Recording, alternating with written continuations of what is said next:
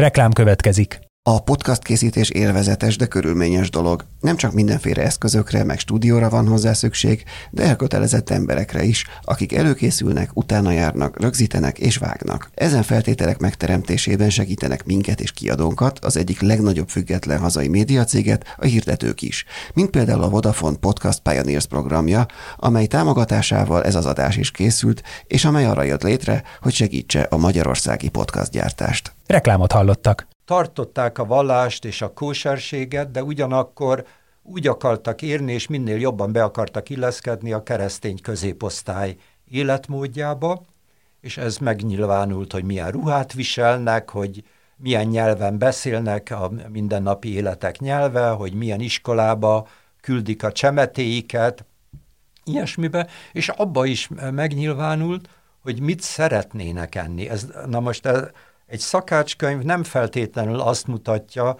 hogy ténylegesen az emberek mit tettek.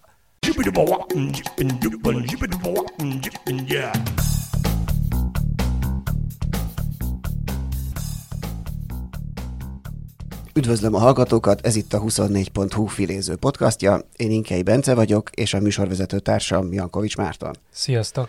A mai vendégünk pedig Körner András, aki a hivatását tekintve építész, ám a magyar zsidó konyhának az egyik legnagyobb, vagy talán a legnagyobb szakértőjeként hívtuk most meg ide a stúdióba.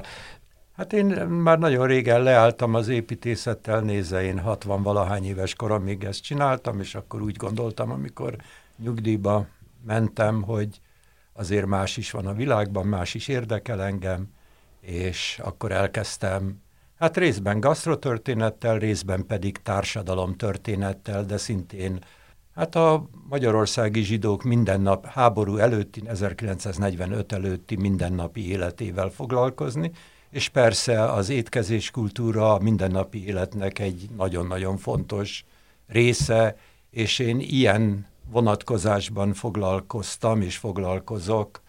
Ö, elsősorban az étkezés kultúrával nem annyira ö, recepteket re koncentrálok, és nem, vagy legalábbis nem mai receptekre, és nem szakácskönyveket írok, hanem lényegében ilyen társadalomtörténeti megközelítésből kezelem ezt, mint a mindennapi életnek egy nagyon fontos tényezőjét, ami annyira központi szerepe van a mindennapi életben, hogy rendkívül sok területtel érintkezik. Hát például a korai szakács, szakácskönyvek, mint a zsidó, mint a nem zsidó szakácskönyvek érintkeznek a, azzal, hogy kik írták, kinek adták, kik, kik volt, mi volt a célközönség, a kiadók, a, a könyviparral érintkezik, a nyelvhasználattal érintkezik, és az, hogy a célközönségnek mi voltak az elvárásai, hogy mennyiben próbálta ezt a szakácskönyv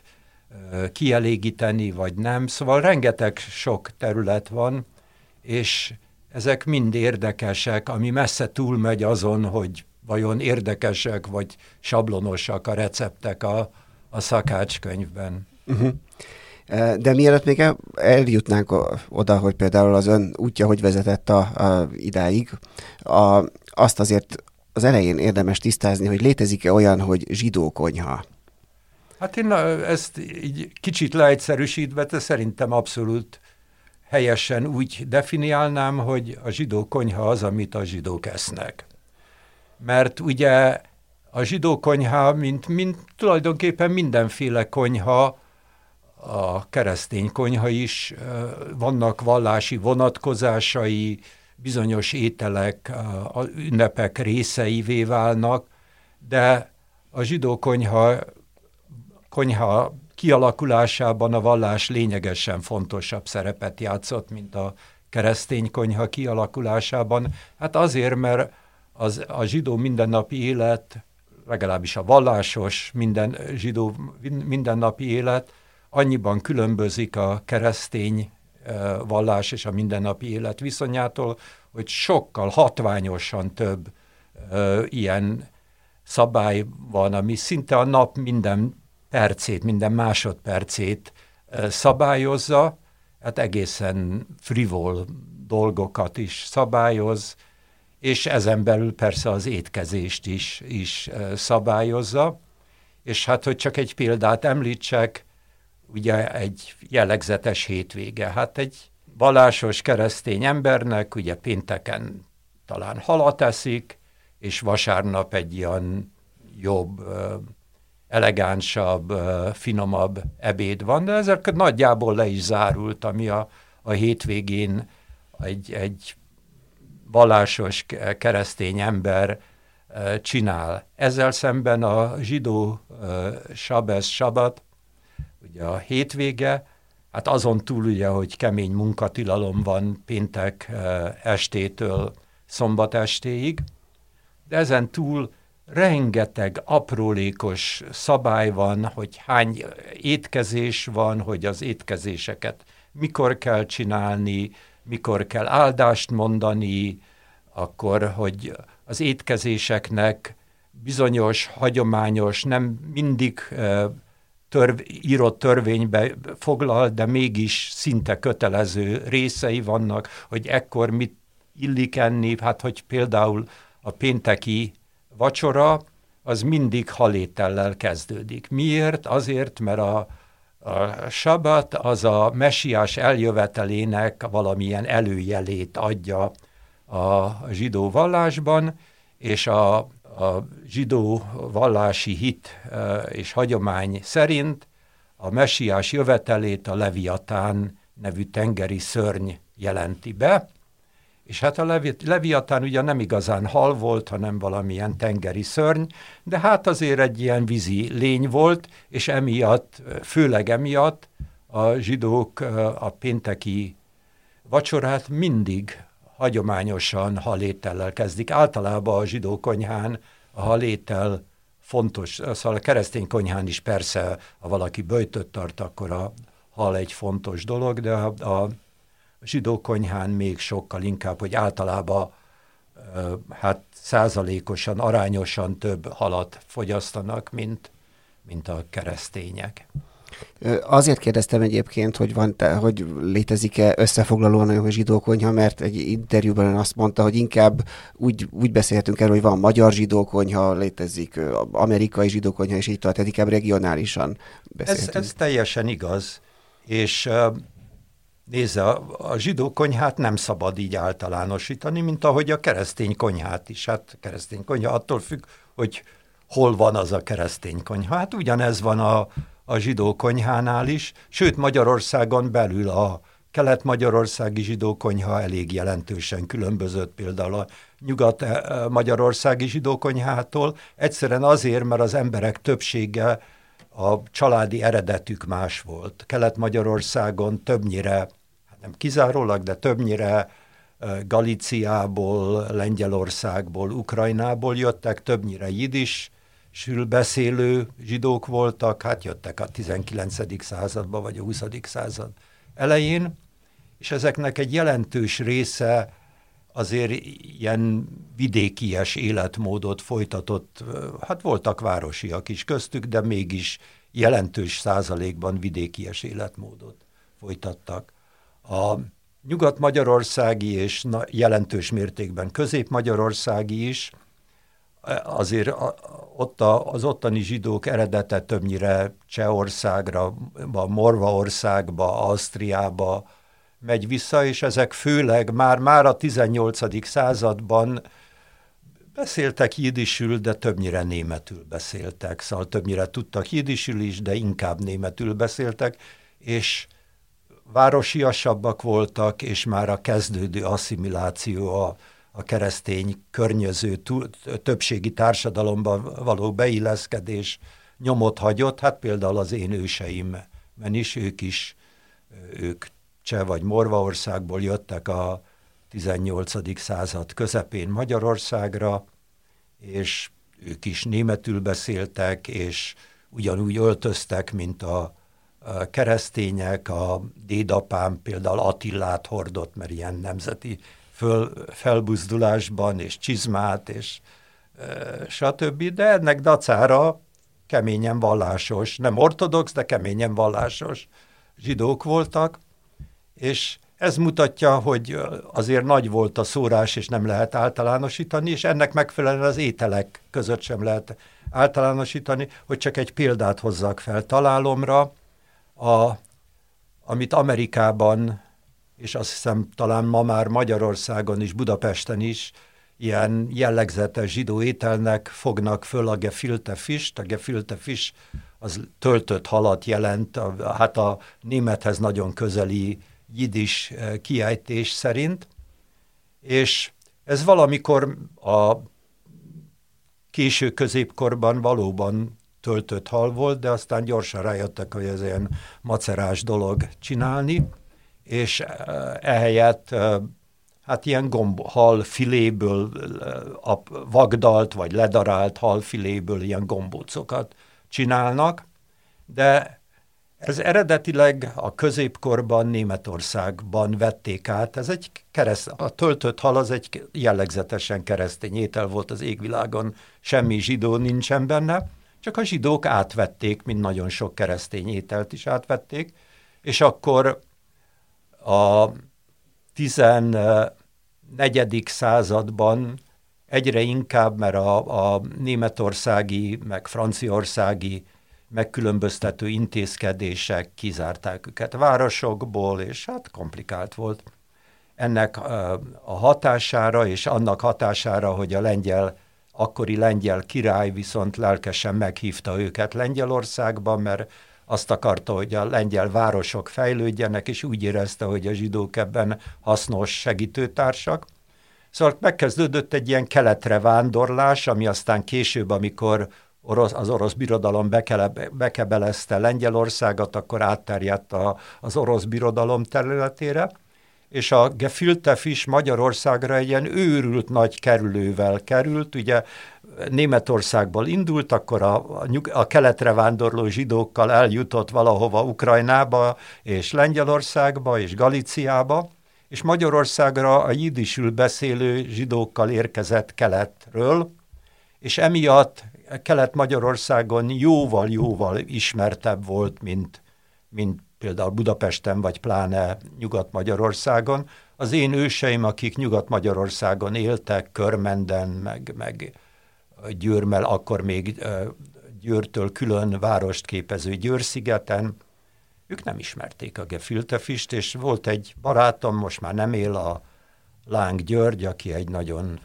jelentős gasztronómiai szakember volt, vendéglői voltak, írt is egy elég jó szakácskönyvet. Például ő, amikor 47-be vagy olyan tájt ki, kiment, kivándorolt Amerikába, és megérkezett, és akkor a, már nem tudom, hogy a barátai azt hiszem említették neki, én azt a Gyuritól tudom, hogy hát ugye akkor te sok ilyen zsidó családból származol, sok ilyen jellegzetes zsidó ételtettél például gefiltefist, és a Láng Gyuri akkor, akkor hallotta először, hogy ilyen létezik, hogy gefiltefis, mert ő székesfehérvári volt, és ő soha nem hallott arról, hogy gefiltefis létezik. Pontosan ugyanazért, mert amint az én családom sem ismerte. Úgyhogy nem szabad általánosítani se társadalmi vonatkozásban is, és ezt finomítani kell népcsoportokra, és hát az étkezés kultúrában is. Igen, ezek a, ezek a vándorlások, akár az ételek terén, az étkezési kultúra terén, engem például egy meglepett ennek, amikor Váncsa István egyik lakoma kötetét olvastam, én onnan tudtam meg azt, hogy például a pizza az nem Dél-Olaszországból érkezett meg Észak-Olaszországból, hanem amerikai közvetítéssel vették át, legalábbis ő ott eh, erre hivatkozik. Igenis hogy... és nem, igenis és nem. Nézze, amikor én először uh, Olaszországban voltam, az volt azt hiszem 63-ban, akkor először kaptam nyugatra ilyen turista útlevelet, és akkor Észak-Olaszországban sehol nem lárultak pizzát. Nápolyban igen. És azóta viszont, mert ugye a, legtöbb amerikai olasz bevándorló az Dél-Olaszországból, Sziciliából jött, vagy, vagy Nápolyból, de még inkább Sziciliából, azok Hát ez egy jó kereseti forrás volt, ilyen pizza üzleteket nyitottak Amerikába, és akkor ez egy elfogadták, mint egy ilyen jellegzetes olasz ételt, és valamikor nem olyan borzasztó régen, mert mondom 63-ban még Észak-Olaszországban gyakorlatilag nem ismerték a, a pizzát, hogy akkor az amerikai turisták megérkeztek Olaszországba, és azt mondták, hogy na, hát akkor hol lehetünk pizzát, és Észak-Olaszországba akkor eleinte még nem lehetett kapni, de aztán ráébredtek, hogy ebbe üzlet van, és akkor gyorsan elterjedt Észak-Olaszországban is. Igen, tehát kellett, tehát a pizza is tett egy ilyen amerikai körutat, van, mielőtt visszatért van, a Igen, hazájába. de mondjuk sosem ö, tűnt el, csak, csak egy ilyen helyi étel volt, egy regionális étel igen. volt. És ö, ha már Amerika meg a vándorlás szóba került, akkor egy pillanatra az ön élettörténetére is térjünk ki, hogy egyrészt ugye említette már, hogy a nyugdíjba vonulása, tehát építészként uh-huh. nyugdíjba vonult, és utána kezdett el ezzel mélyebben foglalkozni, de még azelőtt a hallgatóinkkal, mert hát ha nem ismerik, röviden mesélj el, kérem, hogy hogyan került ki ö, Amerikába egyáltalán, és ott, és ott mivel foglalkozott? Hát nézze, én 56-ban kétszer megpróbáltam diszidálni, és pechem volt, mind a kétszer elkaptak a határon. Akkor hány éves uh, volt? Hát 16 éves uh-huh. voltam, 15-16 éves, és hát akkor féltem, mert fölvettek ilyen listákat, hogy ennek valami következménye lesz, de szerintem olyan sok embert fogtak el a határon, hogy még a kommunizmus alatt sem volt ennek semmi komolyabb következménye. De aztán ez a kétszeri kaland azért úgy éreztem, hogy ez most már elég volt. Én többet már nem próbálkozom. Hát arról nem is szólva, hogy ahogy teltek a hetek, hónapok, egyre szigorították a határvédelmet, úgyhogy részben azért kaptak el engem kétszer, mert én már decemberben olyan karácsonytáján próbálkoztam, és addigra már azért kezdtek felébredni, és egy kicsit jobban őrizni a határt. És, és akkor én nekem egy barátnőm révén kaptam egy ösztöndíjat, egy asztriai, ilyen tiro, tiroli szabadiskolába, hát 64-ben, és ez egy nagyon érdekes Európa Fórumnak hívták Tirol közepén, Alpakban, ahol a világon mindenről, hát főleg Európából, de Amerikából is, hát fiatalok, többnyire ilyen intellektuális érdeklődő fiatalok voltak, összejöttek, és ilyen amerikai stílusú, ilyen műhely csoportokba egy, egy professzor vezetésével beszéltek meg témákat, minden évben volt valami téma, és én ott a apósom az egy német, Amerikába emigrált német zsidó volt, aki aztán valamikor a 60-as években visszament Németországba, mert Amerikában egy ilyen déli államba volt egyetemi tanár, és akkor ott elbocsájtották a McCarthy korszaknak a legvégén, mert azt mondták, hogy adjon egy listát a szervezetekről, amihez ő tartozik, és azt mondta, hogy ő nem hajlandó egy listát adni a szervezetekről, neki ebből a náci időkből. Elege volt, és ő ezt többet nem hajlandó ilyen hülyeséget csinálni, és akkor egyik napról a másikra kirakták az állásából, és végül elfogadott egy állást Münchenben, az amerikanisztika tanszéknek lett a vezetője Münchenben, úgyhogy a ő, ő is ott volt ezen a Szabad Egyetemen, és ott volt a lánya is, és összeismerkedtem a lányával, két évig jártunk egymással, és akkor házasságról esett szó, és megkérdeztem őt, én akkor már elég jól kerestem, mint fiatal építész, és akkor az nagy szó volt, hogy már majdnem kész volt egy örök lakásom, egy garázsal, autóm nem volt, de garázsom volt, és, és akkor megkérdeztem a leendő feleségemet, hogy hajlandó lenne Pestre költözni, és azt mondta, hogy esze ágában sincsen, amit én nagyon jól meg tudtam érteni a körülményeket ismerve, és azt mondtam, hogy hát akkor én diszidálok, és hát amit emberek százai, talán ezrei csináltak, hogy kaptam egy turista útlevelet, és hát milyen feledékeny vagyok, elfelejtettem haza jönni.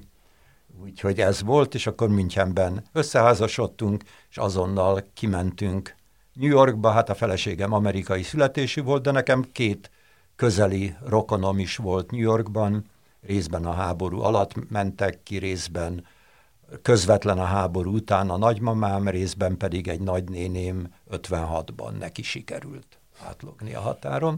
És azóta, 68. januárban érkeztünk New Yorkba, és én azóta ott élek. Úgyhogy ez volt, és építészként dolgoztam ott, és részben állásban, mint egy építész alkalmazott, részben azért volt magánmunkám, de, de hát én úgy éreztem, Amerikában az ilyen gazdasági élet az olyan, mint a hullámvasút, hogy két évig jól megy, aztán egy vagy két évig abszolút nincsen munka, és ez, ez nekem nem tetszett. Nekem egy családot kellett eltartani, úgyhogy aztán elmentem egy ilyen nagy, ö, hát ilyen ipari vállalathoz, mint ilyen belsős építésznek, mert az egy olyan nyugis állás volt, és azért mellette volt magánmunkám is. Ami oda vezetett a, a, az egész zsidó tematikához, én 40, szóval mindig tudtam, hogy zsidó származású vagyok, papíron evangélikus vagyok, mert 44-ben, három és fél éves koromban engem megkereszteltek, mert azt hitték, hogy ez segíteni fog abban a szörnyű helyzetben. Nem segített semmit, de hát ezt előre nem lehetett tudni. Minden esetre én, amikor kamasz voltam, meg felnőttem, akkor úgy ösztönösen próbáltam ezt az egész zsidó származást, problematikát távol tartani magamtól. Nem, sosem tagadtam, hogy én zsidó származású vagyok, csak nem. Úgy éreztem, ez egy mellékes életrajzi tény, nem kell ehhez nagy fontosságot tulajdonítani ennek. És akkor valamikor a 70-es években, akkor már anyám öregedett, és egyre rozogább lett, rozogább egészségi állapotba került, és nekem nagyon rossz volt a, a kapcsolatom anyámmal, és úgy éreztem, ez az utolsó alkalom, hogy valahogy helyrehozzuk ezt a rossz kapcsolatot, és azt javasoltam neki, hogy mondja el a, az életét, és azért, mert én azt akartam hinni, azt hittem, hogy ez az egész zsidó múlt, ez egy ilyen borzasztó távoli dolog, semmiféle jelentősége nincsen, jó, rendben van, volt, de ez rám semmilyen kihatással nincsen. És akkor anyám kezdett mesélni az ő nagymamája háztartásáról, és hirtelen kiderült, hogy azért ez a, a eredet azért nem volt annyira messzi múltból, múltban, és még a nagymamám, aki már azért nem volt igazán vallásos, de azért a, két-három nagyobb ünnepet úgy tessék, lássék, azért úgy valamennyire tartotta, és a, én a nagymamámhoz nagyon kötöttem, mert ő volt velem 44 utolsó heteiben és 45 első heteiben a Pesti gettóban, és hát valószínűleg túléltem volna nélküle is, de biztos, hogy ő, ő részbe, része volt annak, hogy túléltem, mert hát a gettóban éheztek az emberek, szóval az volt. Volt valamilyen ételosztás, de egyre gyengébb, és a nagymamám vállalt egy ilyen önkéntességet a, az egyik ilyen gettó konyhán, és ez azt jelentette, hogy időnként haza tudott hozni valami kaját.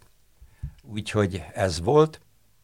És amikor az anyám elkezdett mesélni az ő nagyanyja az én dédanyámról, akkor nagyon jó emlékezete volt, és ragyogóan emlékezett a részletekre, kivéve, hogy nem volt igazán egy ilyen intellektuál típus, az, hogy mit miért van, meg a, mik ennek a vallási okai, azt mélyen nem érdekelte. Elmondta a tényeket. Engem viszont bosszantott, hogy abszolút semmit nem tudok erről, és mint ilyen kis buzgó mócsink, hát én próbáltam utána olvasni, és meg, megtanulni, hogy mi, mi miért van, és akkor így valahogy így beszippantott ez az egész téma. És, és az volt, hogy én ezt azért javasoltam anyámnak, mert mondom, a, a kapcsolatunkat próbáltam valahogy helyrepofozni, ami meglepett, és egy érdekes meglepetés volt, hogy míg anyám nem volt egy igazán egy, egy intellektuál típus, aki ugyan nagyon utána néz, és utána olvas, és lenyomoz dolgokat, de viszont ragyogó emlékezete volt a mindennapi élet legkisebb mikroszkopikus részleté, ről, és amit ő elmondott, az aztán a, az első könyvnemnek hát a, az alapja volt, olyannyira az alapja, hogy bekezdések, szinte szórul szóra átvettem azt, amit anyám mondott. Hát mondjuk a könyv egy, egy más szerkezete, mert hát egy könyvnek azért más a szerkezete, de erősen azon alapul, amit a, az anyám mondott, meg azon, hogy rengeteg tárgyi és írásos emlék megmaradt a dédszüleim, sőt az ükszüleim életéből, és hogy ez miért maradt meg, a nagymamám, akit előbb említettem, hát átélte a, a gettót, meg ezt az egész megpró- megpróbáltatást, de hát nagyon rossz fizikai és rendkívül rossz idegállapotban élte át, és akkor 45-ben hát nagyon nehéz volt tisztességes orvosi kezelést találni Budapesten. Orvosság hiányok voltak, nem bizonyos orvosságokhoz nem lehetett hozzájutni, és akkor a családi kupaktanács azt mondta, hogy a nagymamám vándoroljon ki Amerikába a már néhány éve ott élő lányához. És ez egy őrült nagy trauma volt a nagymamámnak, aki hát 60-hoz közel volt, akkor egy kukkot nem tudott angolul, és hát valahogy lelki támaszként, ami az anyjától megmaradt, az én dédanyám az még 38-ban meghalt, de hát az 45-ben még nem volt annyira távoli, ami az összes megmaradt cuccot, az berakta ebbe a nagy hajókoferekbe, amikbe a kivándorlók mentek, és én biztos vagyok benne, hogyha ez Magyarországon, Budapesten marad, akkor ez szétszóródik, elveszik, kidobják, stb. De így, miután kivitte Amerikába, ez megmaradt, és amikor én kezdtem dolgozni ezen az első könyvemen, addigra már a nagymamám nem élt, a nagynénim azt mondta, hogy te Andris, hát itt van a szekrényben a, a nagymamától, már az ő nagymamájától, az én dédnagymamámtól egy csomó cucc, egy ilyen kartondobozba, nézd meg, hát ha találsz valami érdekeset. És ez olyan volt, mint egy időkapszulát úgy kinyitni, mert hát eh, hihetetlen bő ilyen tárgyi anyag volt, hát olyanok, mint a, a dédnagymamám estéi ruhája, a kötött harisnyái, monogramozott harisnyái, a konyharuha, az, a, a szalvéták, abroszok, evőeszközök, minden. Szóval egy, egy nagyon nagy anyag volt.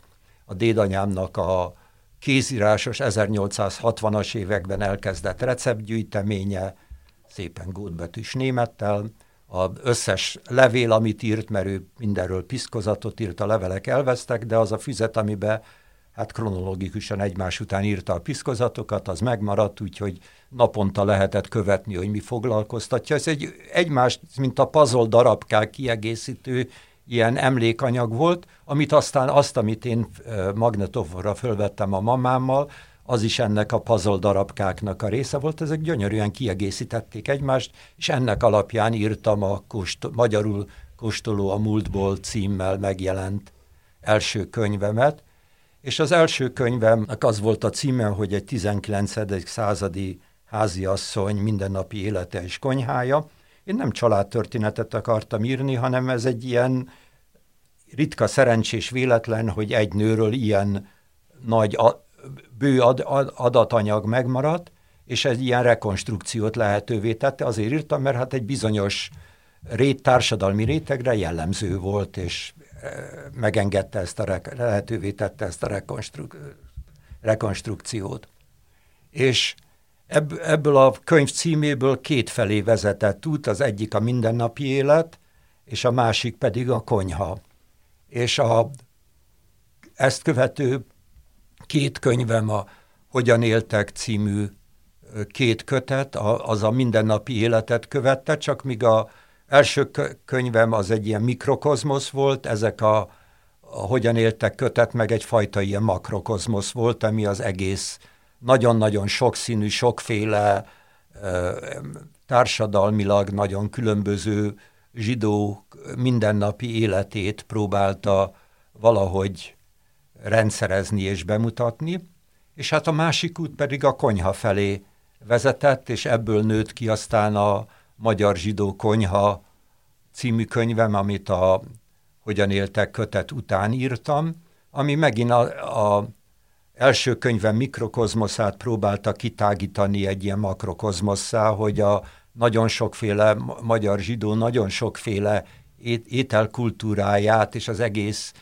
étkezés kultúrának nem csak a, a, a ételekre kiterjedő részét, hanem a ami mind hozzá tartozik az ételkultúrához, hát az élelmiszeripart, az élelmiszer kereskedelmet, a vendéglátóipart, meg még olyasmit, mint a étkezési illemszabályok, amik szintén kicsit mások voltak zsidóknál és, és keresztényeknél, úgyhogy ezt próbáltam meg a, egyáltalán az ételnek a, az emberek identitásában játszott szerepe, szóval megpróbáltam ezt az egész ételkultúrát amennyire lehet, hát átfogó igényel körbejárni.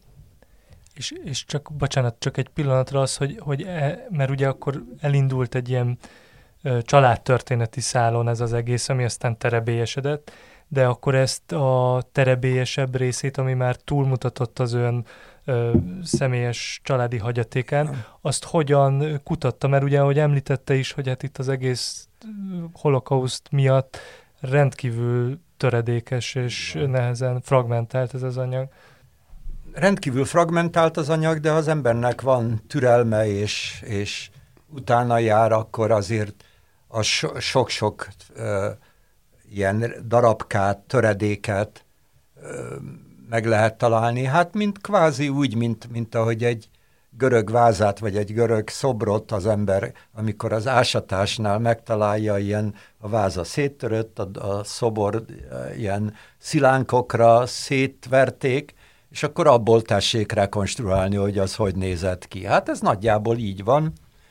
Szóval például a fotóanyag, mert én mély meggyőződésem, hogy a, az írásos megközelítés és elemzés és a, a vizuális megközelítés egymás segíti, és az, hogy képes könyv, az nem felt, nagyon gyakran egy ilyen híg, nosztalgia gőzben létrejött könyveket jelöl, amik hát komolytalan, mondjuk érdekes és kellemes, de, alapjában tudományosan komolytalan mű, művek, bocsánat, de bizonyos dolgokat a vizuális megközelítés jobban képes közölni és, és elemezhetőbbé teszi, mint, mint a, az írásos. Például olyan dolog, hogy az emberek ruházata kifejezi a mentalitásukat. Mondjuk ez eléggé jellemző dolog, kivéve, hogy nagyon kevesen próbáltak ennek utána járni, hogy ki mit, mi, milyen ruhát visel, és miért, hogy ez hogyan tükrözi a mentalitását. Az, az emberek lakásának a lakásberendezése megint hát nem véletlen, hogy van, aki így rendezi be a lakását, úgy rendezi, és ez valami identitás, önképet tükröz, és ezt, ezt elemezni kell. Szóval, és erre a nyilvánvalóan a, a fotóanyag nagyon alkalmas, de önmagában a fotók teljesen komolytalanok, szóval az, az akkor megint visszasüpped egy ilyen nosztalgia gőzbe. Szóval azt el kell magyarázni, hogy, hogy miért néz ki az a fotó úgy, és miért hord a, ez a, mit tudom én, egyik, például az én ükapám miért hord Attillát és csizmát. Hát mondjuk így elmondva nyilvánvaló azért, mert ő ilyen hazafias felbuzdulásból hordott ilyen ruhát, de ezt el kell magyarázni, ezt a kép úgy automatikusan nem közli. És ami érdekes volt, ami én csak utólag ébredtem rá, és tulajdonképpen egy amerikai szakember, egy nagyszerű szakember hívta rá a figyelme, fel erre a figyelmemet, hogy egyetlen ország zsidó étkezés kultúrájáról nem készült egy ilyen átfogó igényű a, az étkezés kultúrát úgy minden oldalról körüljárni próbáló könyv. Szóval olyan, hogy receptgyűjtemény, vagy szakácskönyv, vagy, vagy ilyesmi, az persze abból Dunát vagy Hadzont lehet rekeszteni, abból annyi van, de, de egy ilyen inkább kultúrtörténeti megközelítésű könyv, és ami az egész étkezés kultúrát körbejárja, az a magyar zsidó konyhán kívül szóval más országról nem készült. Az, hogy, hogy ön a dédanyának a, a receptes könyvét is ö, meg tudta nézni, és, és abból tud, azt el tudta olvasni, az kicsit olyan lehetett, mint egy időgép, így mai tekintettel visszamenve a 19. Bizony. századba. Mi volt a, így ezzel a szemmel a legnagyobb külön, a legmeglepőbb, hogy, hogy azok a mostani étkezéshez képest azok az ételek milyenek voltak? Vagy egyáltalán volt-e bármi különbség? Vagy... Bizony volt, bizony volt. Nézze, a zsidó konyhán, és ez általában jellemző nem csak a dédanyám, és nem csak a nyugati eredetű zsidók, mint az én családom, akik cseh és morva eredetűek, hanem a, a keleti, ukrán, galícia, stb. eredetű zsidóknál is az van. Ugye az emberek többnyire, hogyha azt hallják, hogy zsidó konyha, akkor eszükbe jut a, mit tudom, macesz gombóc leves, sólet, és még néhány más. Flódni. Flódni, igen. De ezek mind ünnepi ételek voltak, szóval a, szinte kizárólag, amik ilyen hagyományos zsidó recept vagy ételekként ismertek, azok ünnephez kapcsolódó ételek voltak.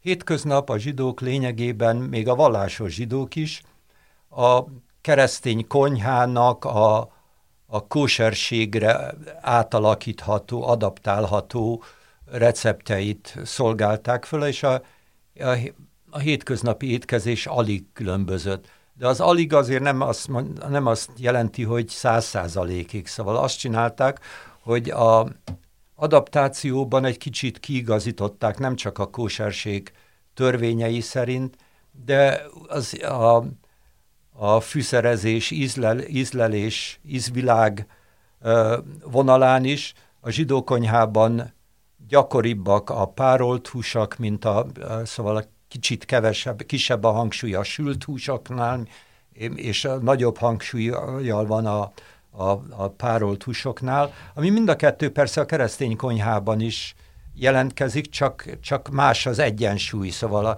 keresztény magyar konyhában a, a sült húsak azért a többség, meg a rántott húsok, és a párolt persze, hogy létezik, kevésbé. Ugyanígy egy ilyen hangsúlyeltolódás van, hogy az, az édeskés, savanykás ételek persze, hogy léteznek keresztény konyhán is, hát mit tudom én, tökfőzelék, meg, meg ilyesmi, de a zsidó konyhán lényegesen gyakoribbak. Ami viszont még talán erősebb különbség, hogy a édes ételeknek és a, a sós ételeknek az együttes feltállalása az, az azért nagyon ritkán fordul elő a keresztény konyhán. Hát a középkorban egészen a késő középkor, reneszánszig az volt a jó és finom étel, amiben minden íz úgy együtt, egymás mellett volt. Többek között a sós és az édes. Ezt a 16. században a franciák szépen elválasztották, és apránként az volt, hogy nagyon ritkán tálalnak együtt sóst édessel. De bizonyos ilyen perem kultúrákban, mint például a zsidó kultúra, aminek van egy ilyen arhaikus vonása is, azok jobban megőrizték ezt, és hát elég sok ilyen étel van, ahol bizony a édeskés és a sós az úgy egymás mellett van. Egy keresztény vonalon én csak a, a gyümölcsmártással tálalt, tálalt marha, főt marha húsra tudok gondolni. Nagyon-nagyon kevés más van, ami a sóst és az édeset párosítja. Zsidókonyhában viszont nagyon gyakori. Hát például a sóletnek a jellegzetes ilyen mellékétel, körítés, ez egy kugli volt, a kugli szinte mindig, ha nem is volt édes, de legalábbis édes kés volt, és azt vígan a, a, a sós, borsos sólettel együtt ették. Úgyhogy ez, ez egy nagyon gyakori párosítás. Ez az, ab, ab, azzal van kapcsolatban, hogy a, a zsidó konyha szerintem so, inkább, mint a keresztény konyha, bizonyos vonásokban megőrz, megőrzött egy ilyen arhaikus jelleget, ugyanakkor viszont a másik oldalon, mint a szivacs felszívta a különböző helybeli hatásokat, Úgyhogy ez egy ilyen furcsa dualitás, ami egyszerre e, létezett és hatott, hogy a, a, a befogadó, készségnek és a nagyon konzervatív hagyományőrizetnek a dualitása. Néhány, nagyon-nagyon kevés ö, ö, hagyományos zsidó étel visszamegy a bibliai időkre, de mondjuk ez minimális, ezt nem kell. Hát én csak két példát tudok így kapásból mondani, az egyik a sólet, aminek nem a baba lényege, hanem a, a készítési mód, hogy azt előre meg kell főzni és melegen tartani. És ez így szépen benne van a, a harmadik században lejegyzett misna, misnában is, pontosan ezzel a szóval, hogy a szombati ételt lefedve melegen kell tartani. Na ez a sóletnek a lényege, a bab az tökéletesen mellékes, mondjuk Magyarországon a, a baba a leggyakoribb, de hát arra, arra gondoljunk, hogy a legtöbb babfajta tulajdonképpen jóval Kolumbusz után terjedt csak el, mert azok, azok amerikai fajták voltak. Európában is létezett egy lóbab, meg néhány ilyen babfajta, de a legtöbb, amit, pláne amit most használnak a sólethez, az korábban Európában nem is létezett. És, és hát vannak például a szefárdi konyhán is van ilyen sóletszerűség, ottan haminnak nevezik gyakran, ami meleget jelent, az megint visszamegy erre a misnai meghatározásra, hogy ezt melegen kell tartani. És hát tulajdonképpen a sólet neve is, az valószínűleg Provence-ban keresztelték így el valamikor a 12.-13. században, és az ófranciából ugye meleget jelent, a só, hát a most is létezik, a melegből származik, és ezt, az, ezt a később az askenázi kultúrában, zsidó kultúrában elterjedt, hát Németországban, Ausztriában sáletnek nevezik gyakran, Franciaországban hát szintén sáletnek, Magyarországon sóletnek. De hát ezek ugyanannak a szónak a, a változatai. És kettőt említett, mi a, mi a másik étel, hát ami a macesz, a mác, macesz, mert ugye a, az úrvacsora az egy szédervacsora volt, és ugye Jézus valami olyasmit mondott, hogy ez a testem, és akkor ettek abból, ami hát akkoriban a macesz volt. A korai macesz az egyáltalán nem ilyen ostya volt, hanem az így is áll tulajdonképpen a Hagadába, hogy ez a szenvedés kenyere, ez valahogy az Egyiptomból való kivonulás, menekülésre emlékeztet, és ez egy ilyen kovásztalan kenyér volt, hát mint egy lényegében pitára kicsit hasonló kenyér, de ez valamikor később eszükbe jutott, hogy ugye a, a Pészak az egy többnapos ünnep, és ezt előre meg kell csinálni, és hát bizony ez a lapos kenyér, ez megszárad, megpenészedik, és ki kéne találni valamit, amit előre el tudnak készíteni, és eláll, és akkor kitalálták ezt az ostját, mert ez gyakorlatilag vég nélkül eláll, de valahol szögrül végről a ostyaszerű macesz rokon az áldozati ostjával. Hát igen, mert az áldozati ostya is végül visszavezethető erre a, a utolsó vacsora, a széder vacsorára.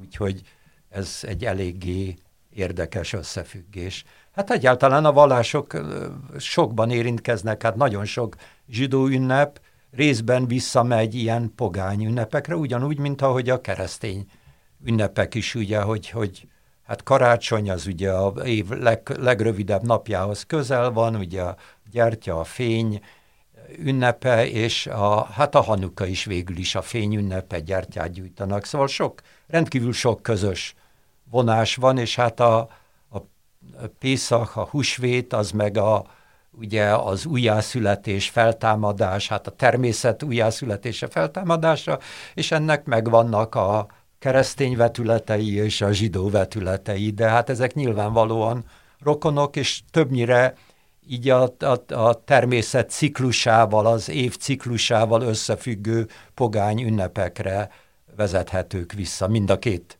mind a keresztényeknél, mind a zsidóknál. Beszéltünk itt Sóretről, beszéltünk Maceszről, a Flódnit is említettem már az előbb, a Flódni mikor jött a képbe? A, a Flódni az egy, egy nagyon késő ilyen, majdnem azt mondanám dekadens változata, egy jellegzetes zsidó, de szerintem jellegzetes keresztény. Már a tizen, azt hiszem a tizenegyedik, egy nagyon-nagyon korai zsidó forrás említ Fládnt, Fládn az lényegében olyan volt, mint a lepény, pite, ilyesmi volt. Az történetesen valamilyen túróval töltötték, és az egy egyemeletes volt, de hát a, a Flódni neve az a fládóból, egy középkori latin szóból, aminek ugye az angol flat, a német flak, az mindennek a szónak a, a leszármazottja, ebből ered, és ebből a 19. század második felében szinte biztosan Budapesten, de, de, de Magyarországon a, a flódni az a nagyon kevés olyan étel, ami egy magyar specialitás. A másik a kindli, ami a fludninek olyan unokatestvére, hogy úgy mondjam, mert lényegében ugyanabból a tésztából készül, és csak ott nem többféle töltelék van, hanem a kindli ugyanúgy, mint a, a pozsonyi kifli, vagy a, bej, a, poz, a beigli, ami lényegében a pozsonyi kiflinek egy le, ilyen leszármazottja, hát létezik mákos és diós változatban, és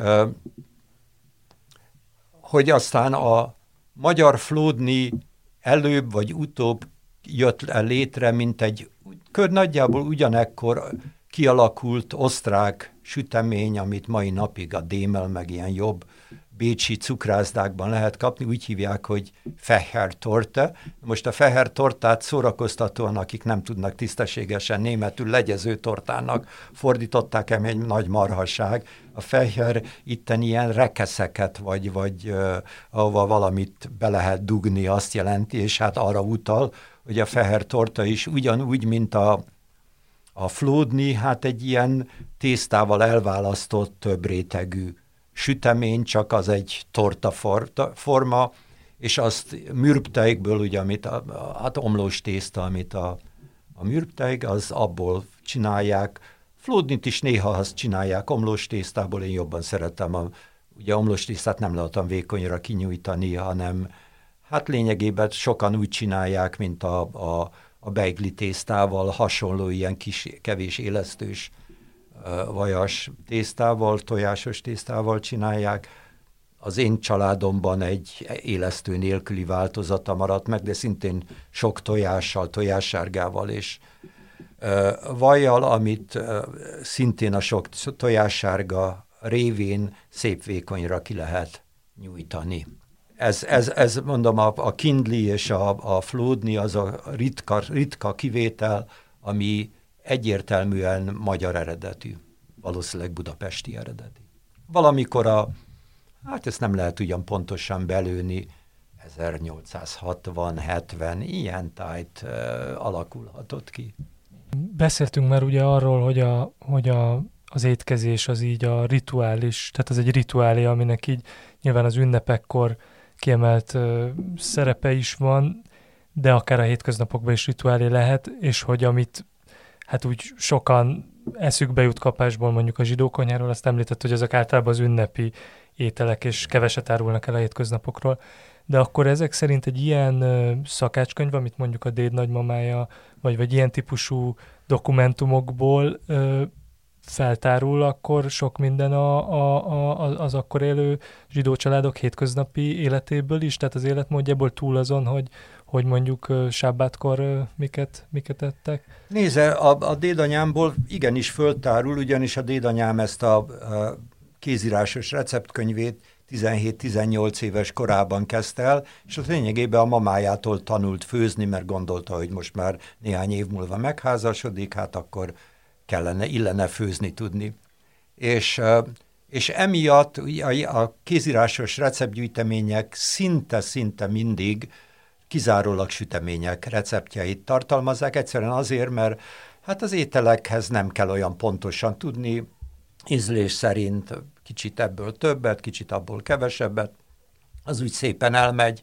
Süteményeknél ez nem lehetséges, ez olyan, mint a kémia, ottan precíznek kell lenni, ott mese nincs. Hát ha valaki nagyon ért hozzá, akkor picit rögtönözhet, és tudja, hogy, hogy egy változásnak mik lesznek a következményei, de ezt a emberek 98%-a biztos nem tudja. Úgyhogy amiatt, mert a dédanyám hát akkor tanult főzni a mamájától, egyrészt viszonylag sok ételrecept is van, hát azért a, a többség ott nála is süteményrecept, szóval mondjuk van 130 recept a, ebbe a kézírásos gyűjteményebe, ebből olyan 30-35 az, ami ételrecept, és a, azért a túlnyomó többség, mondjuk a, háromnegyede azok süteményreceptek, szóval nála is, de mindesetre legalább valami megmarad. Hát például a, ezt tudtam, hogy a, ez a pozsonyi 1840-es zsidó szakácskönyv, ez a világon csak a harmadik zsidó szakácskönyv volt, kizárólag két német szakácskönyv előzte meg, amiből az elsőt egy Baden hercegségben, ugye akkoriban még német államok voltak, Karlsruhe-ben élő ilyen udvari szakács írt, egy katolikus ember, akit a zsidó ismerősei megkértek, hogy írjon egy kóser szakácskönyvet is, és ő írt egyet, és ki is adta. És az volt a világon az első ö, zsidó szakácskönyv, amit ilyen meglepő módon egy, egy katolikus ember írt. És ö, na de a, ez az 1840-es pozsonyi szakácskönyv, ez mondjuk, hát 80-90 százalékban a 1835-ben Quedlinburgban és Lipcsében megjelent második német szakácskönyvnek a másolata.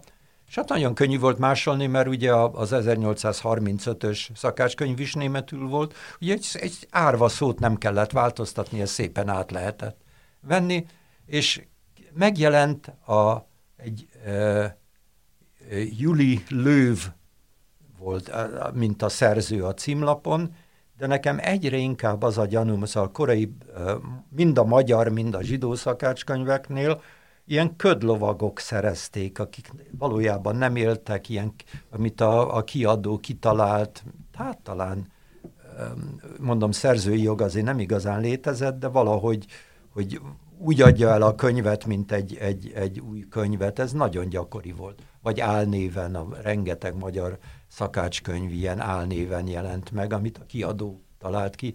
Nekem egyre, mert képtelen voltam bármiféle személyes adatot megtalálni erről a Juli Lővről, de viszont a kiadóról nagyon sok adatot találtam, a, erről a, a Pozsonyi Korn Fülöp nevű kiadóról, és egyre inkább az a gyanúm, hogy ez a Korn Fülöp úgy gondolta, hogy ez az 1835-ös Kvedlinburgi és Lipcsei dolog, az már öt évvel azelőtt volt, meg különben is egy más országban adták ki, valószínűleg senki sem emlékszik rá, és abból vagy ő, vagy valaki, akit megbizott ezzel, összetákolt egy, egy új könyvet.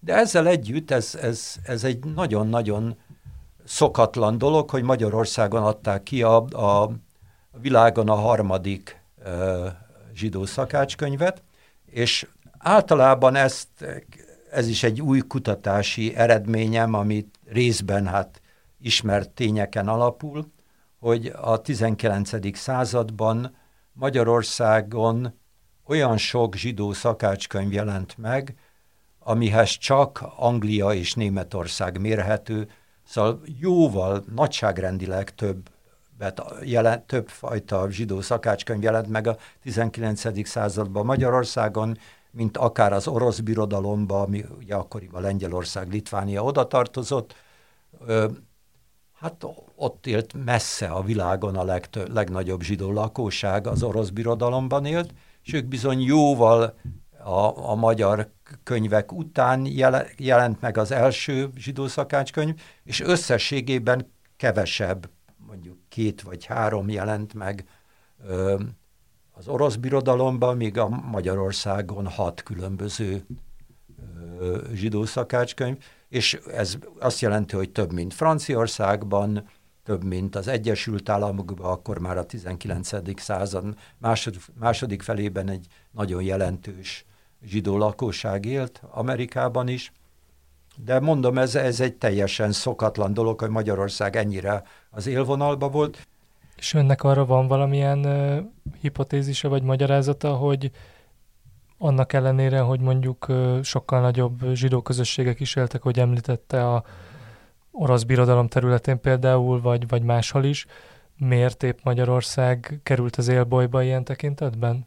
Hát nekem van erre elméletem, és okokat tudok mondani, de mint nagyon sok ilyen, ilyen esetben az ember okokat persze, hogy fel tud sorolni, és az egész biztos ezek az okok hozzájárultak hozzá, de azért nem olyan, mint egy matematikai képlet, hogy behelyestesít az ember ABCD-t, és akkor az abszolút egyértelműen egy eredményt ad ki. Hát egy ilyen ok és okozat kapcsolatot az nagyon ritkán létezik. Hát az egyik az volt, hogy ugyan az orosz birodalomban nagyságrendileg sokkal több, nagyobb volt a zsidó lakosság, ugye 19. század végén orosz birodalomban 5,8 millió zsidó lakott, hát bele, akkor ugye abba beleértették a, a Lengyelországot és Litvániát, ami oda tartozott. Magyarországon 850 ezer, azért ez egy piszok nagy különbség, de mindesetre Magyarország volt Európában, Európában a második legnagyobb zsidó közösség, so, so, még csak Pesten is több zsidó lakott, mint néhány országban, például Franciaországban. Úgyhogy, és Pest pedig a második legnagyobb zsidó város volt Varsó után, és míg az, az orosz birodalom zsidó lakossága és a Magyarország zsidó lakossága között azért egy őrült nagy szakadék volt, a Budapest lakosságában ez már egyáltalán nem így volt, szóval az rendben van, hogy Varsóban több zsidó lakott, de nem annyival nagyságrendileg több. És ami nagy különbség volt, és ami indokolja a zsidó szakácskönyvek kiadását, hogy a magyarországi és elsősorban pesti zsidóknak egy nagyobb százaléka volt asszimilált és mondjuk középosztályhoz tartozó, mint például Varsóban, ahol sokkal több volt az ortodox, és a sokkal több volt a szegény zsidó is, hát a, kinek adnak ki szakácskönyveket? Hát a középosztálynak adnak ki a szegény zsidók, vagy akár a szegény keresztények, nek nincs pénzük arra, hogy, hogy szakácskönyvet vásároljanak, valószínűleg a hozzávalókat se tudnák megvenni. Na, ez megint egy érdekes téma, és visszavezet oda, hogy, hogy milyen recepteket tartalmaztak ezek a korai zsidó szakácskönyvek. Ezek kizárólag keresztény ételeket tartalmaztak, egyetlen hagyományos zsidó recept nincsen bennük, keresztény ételeknek a kóser változatát tartalmazták. Miért? Azért, mert ezek a asszimilálódó középosztályhoz tartozó zsidók részére készültek, és ezek ugyan tartották a vallást és a kóserséget, de ugyanakkor úgy akartak érni, és minél jobban be akartak illeszkedni a keresztény középosztály életmódjába, és ez megnyilvánult, hogy milyen ruhát viselnek, hogy milyen nyelven beszélnek a mindennapi életek nyelve, hogy milyen iskolába küldik a csemetéiket, ilyesmibe, és abba is megnyilvánult, hogy mit szeretnének enni. Ez, na most ez, egy szakácskönyv nem feltétlenül azt mutatja, hogy ténylegesen az emberek mit ettek. Mondjuk a kettő között egy jelentős átfedés van, szóval az ne, nem azt állítom, hogy egyáltalán nem lehet következtetni arra, hogy mit tettek, de hát, tipikusan mind a zsidó, mind a keresztény szakácskönyvekben az emberek olvasták a szakácskönyveket, és néhány ételt megcsináltak, de a többség lényegében tetszett nekik, hogy ez, ez, ez ott szerepel a szakácskönyvben, és kifejezte a vágyaikat, és ezeknek a, a korai zsidó szakácskönyveknek a, a célközönségének az volt a vágya, hogy olyan elegáns szakácskönyvek legyenek, olyan elegáns ételekkel, mint a keresztény középosztály, és emiatt ők valahogy távol akarták tartani magukat a, annak dacára, hogy, hogy tartották a vallást és a kóserséget a hagyományos zsidó ételekkel, mert ezt egy ilyen elavult, régi, idézőjelben középkorias kultúrához tartozónak vélték. Na, ami nagyon érdekes, és, és ez, ez még hozzá kell tenni, hogy ez nem azt jelentette, hogy ők nem ettek sóletet szombaton, csak az szakát, egyrészt az a sólet, meg a kugli, meg a has, meg a, mit tudom én, a, a macesz gombóc, az, azt ők megtanulták a mamától, a nagymamától, és nem volt igazán szükségük a hogy a szakácskönyvben szerepeljen, és a szakácskönyv, mint előbb mondtam, nem is annyira a tényleges étkezésüket tükrözte, hanem a, a vágyaikat, a társadalmi ambícióikat. De 1876-ra, amikor egy nagyon fontos és messziről a, a legjobb a 19. századi magyar zsidó szakácskönyvek között megjelent Budapesten.